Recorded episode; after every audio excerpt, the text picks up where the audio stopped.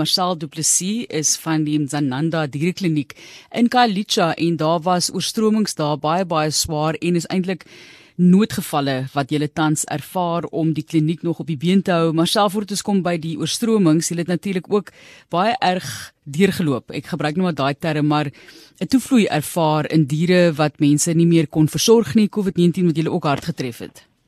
Ja, absoluut. Dit is op die oomblik nou maar baie hartseer want ons sien die nagevolge van jy weet mense wat hulle werke verloor het in COVID-19. So daar is ongelukkig baie mense wat nie meer geld het om na hulle diertjies te kyk nie. So mense bring hulle diertjies na ons toe sodat ons hulle huise kan vind. En daai diertjies se tuiste wat jy nou geskep het is onder water. Absoluut. Ja, verlede nie verlede week nie, die week daarvoor toe ons daai storm gehad het met die erg reën en wind en alles, het ons hele shelter so daar was um, ons met al die ou diertjies uit die shelter uitneem en ons het hulle in ons hospitaal gesit. So natuurlik is ons hospitaalhokkies maar baie klein en dis baie ongemaklik vir hulle gewees.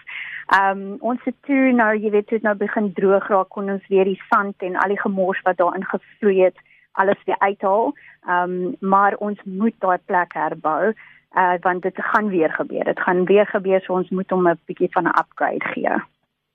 Goed, so kom ons kyk nou wat gedoen moet word en kom ons kyk eerstens wat jy dadelik nou nodig het. Na hierdie vloed en ek vannag het dit ook verskriklik gereën. Mm. Ek weet nie of jy ook getref is nie.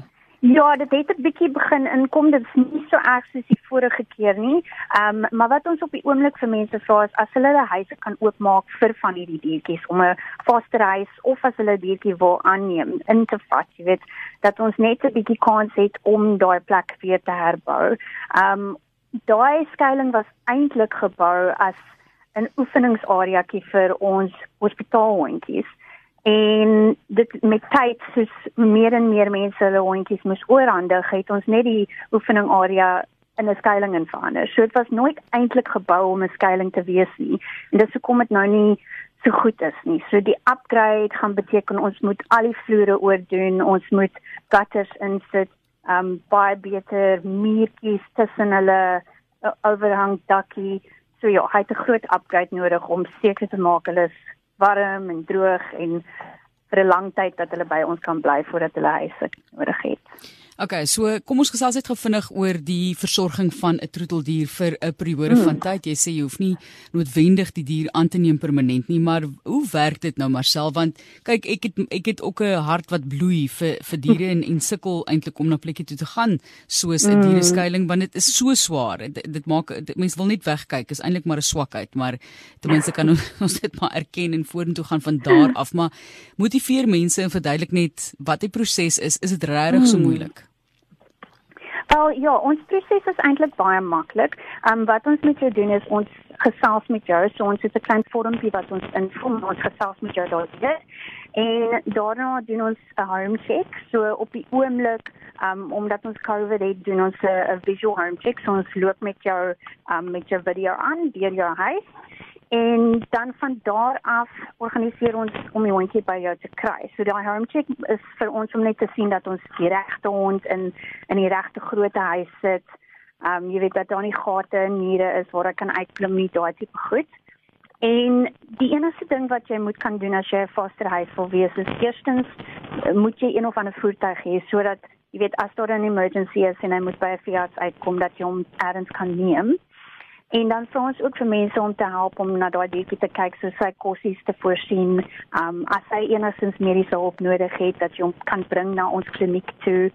En ja, en net om te help om jy weet fotootjies te stuur op op social media, ook te help om hom uh, in 'n nuwe netwerk te sit want ons kan natuurlik net een netwerk kry. Um so vir jou vriende en familie ook te stuur.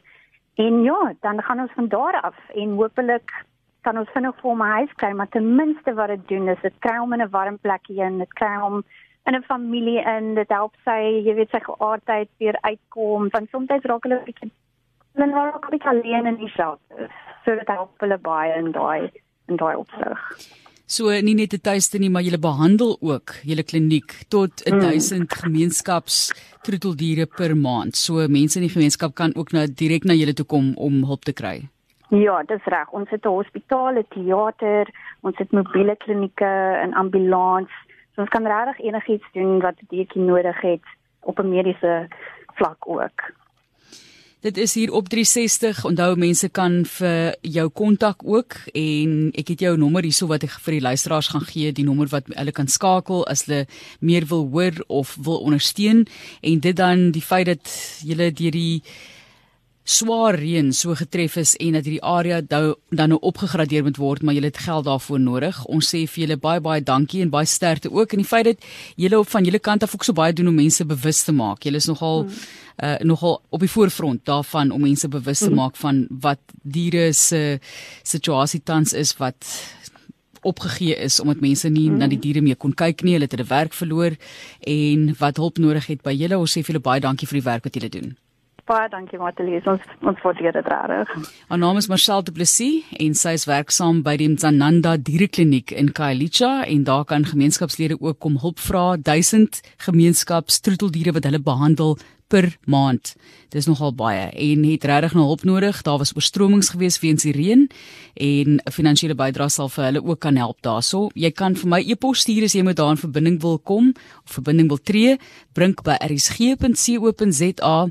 Andersins kan jy vir haar e-pos stuur by Marcel by Mzananda, maar jy gaan dalk sukkel met haar en die organisasie se spelling, so stuur maar vir my e-pos 'n telefoonnommer vir haar 0822 510 554 dis 0822 510 554